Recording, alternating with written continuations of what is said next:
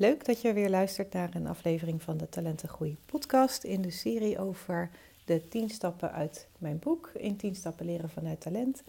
Vandaag uh, gaan we het hebben over stap 2. Krijg inzicht in hoe je kind over zichzelf denkt.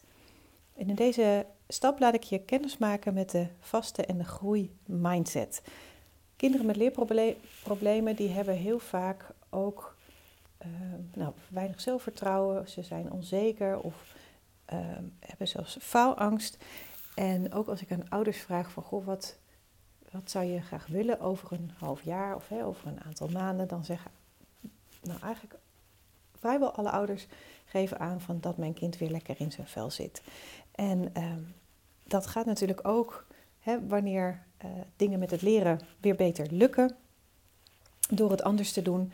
Maar er zit ook nog iets onder en dat is hoe een kind over zichzelf denkt. Want uh, je kan je natuurlijk voorstellen als een kind denkt van nou ik kan het toch niet of uh, rekenen is veel te moeilijk, het lukt me nooit.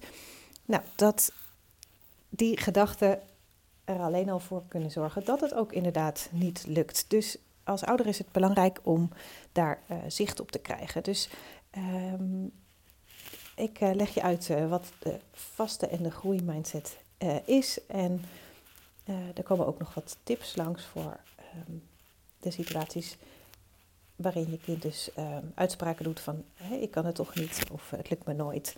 Wat je dan uh, kunt doen.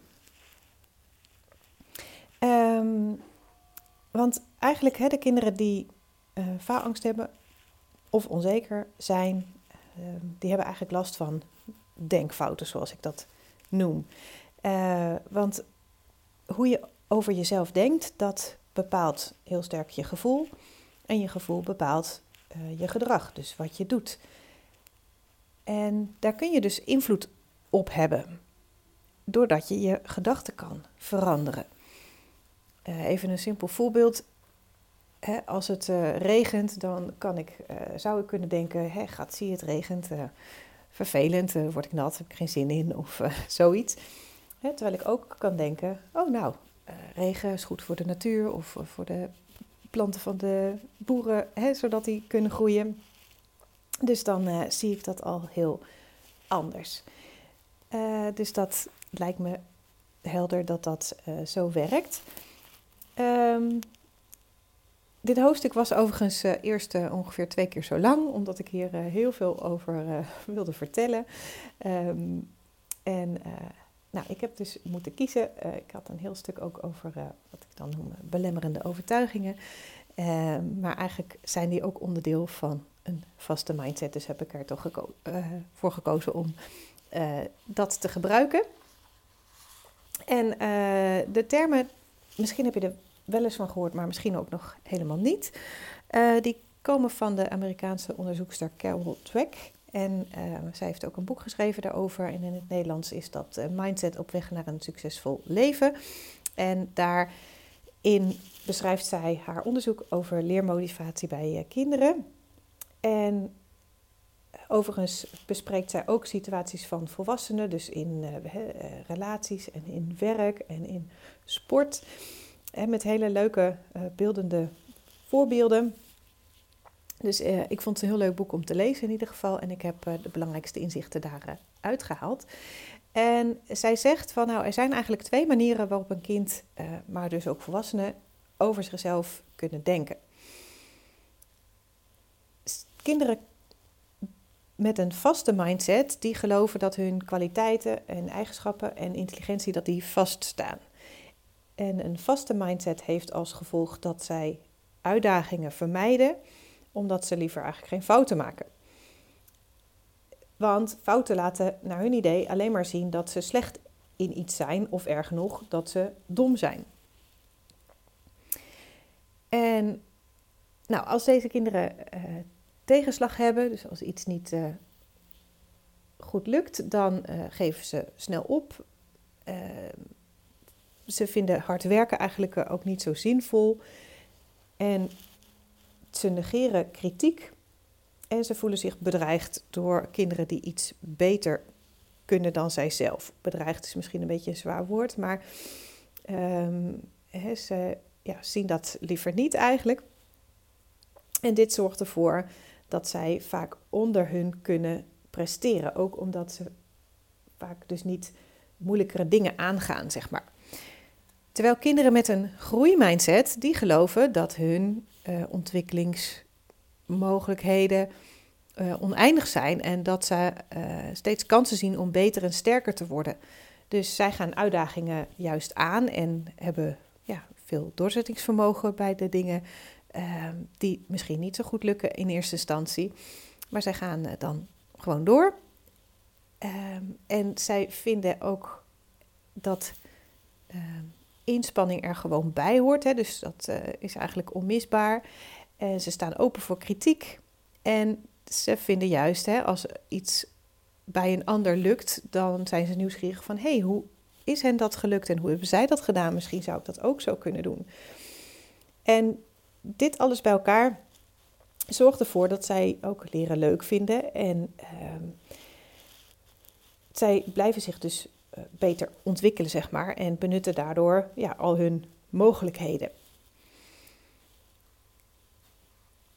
Nou, het is niet zo dat je of een vaste mindset hebt of een groeimindset.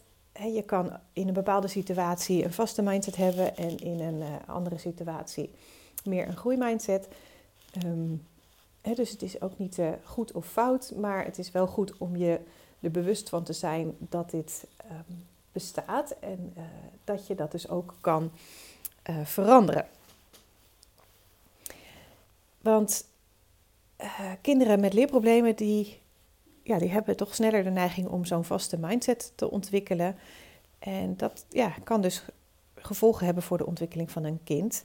En is het dus zaak dat wij als volwassenen proberen om die groeimindset van de kinderen te stimuleren. En dat kan dus zeker. Uh, het is alleen niet iets wat je van de ene op de andere dag ja, zomaar kan veranderen. Dus dat vraagt uh, tijd en dat vraagt uh, ook weer vallen en opstaan.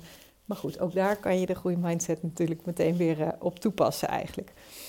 Want ja, kinderen die gewend zijn om uitdagingen uit de weg te gaan, om liever niet de dingen te doen die ze lastig vinden, ja, die moeten daar ineens um, ja, toch um, mee aan de slag.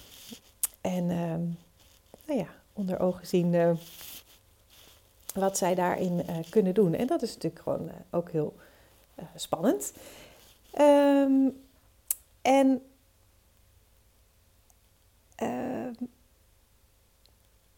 wat ik ook nog wilde bespreken is hierin dat we willen kinderen natuurlijk altijd aanmoedigen. En het is ook goed om ze aan te moedigen om die groeimindset te ontwikkelen. En dan bestaat de neiging om ze natuurlijk complimentjes te gaan geven. En nou, complimentjes krijgen is ook heel fijn en daar groeien we van. Alleen het is uh, wel goed om je bewust te zijn wat voor soort complimenten je eigenlijk geeft aan je kind. Um, want als je complimenten geeft uh, op het gebied van iets wat een kind uh, gedaan heeft, dus uh, een compliment geeft op het resultaat. Nou ja, dat is eigenlijk uh, van korte duur. En dan denkt het kind ook van, nou, ik, het is dus belangrijk om dat resultaat te uh, behalen. Dus dingen als van, oh, wat goed van je, of nou, dat, dat is heel knap, of je bent een natuurtalent. Um, nou, dat zorgt eigenlijk voor een stimulering van de vaste mindset. Want als iets niet lukt, ja, ben je dan niet slim of knap of heb je het dan niet goed gedaan? Dus um, wat handiger is om te doen, is uh, complimenten geven die gericht zijn op het groeiproces. Dus meer op het um, hoe een kind iets gedaan heeft. Dus op de inspanning bijvoorbeeld. In plaats van op het resultaat. Uh, dus ik heb uh, in mijn boek een aantal uh, tips op een rijtje gezet. En ik denk dat het misschien ook wel handig is om die nu even te bespreken. Dus zoals ik net al zei, de eerste tip is: geef je kind inzicht in hoe het iets heeft bereikt. Want op die manier ervaart je kind dat je door oefenen beter kunt worden in iets. Dus prijs de inspanning van hetgeen je kind heeft gedaan en niet het resultaat. Dus bijvoorbeeld, uh, wat heb je dat handig uh, aangepakt in plaats van wat ben je toch slim? Wat je ook kan doen is uh, regelmatig vragen wat je kind heeft geleerd en hoe hem of haar dat is gelukt. dus dat ze ook dat proces verwoorden. Um, het derde is, richt je niet op hoe je kind is, maar hoe het iets heeft uitgevoerd. Uh, dus met aandacht voor de inzet of het doorzettingsvermogen. Dus bijvoorbeeld, nou, omdat je zoveel hebt getraind, kun je die bal al vaker achter elkaar om, hoog houden. In plaats van, nou, je bent echt een voetbaltalent omdat hij de bal zo vaak kan hoog houden.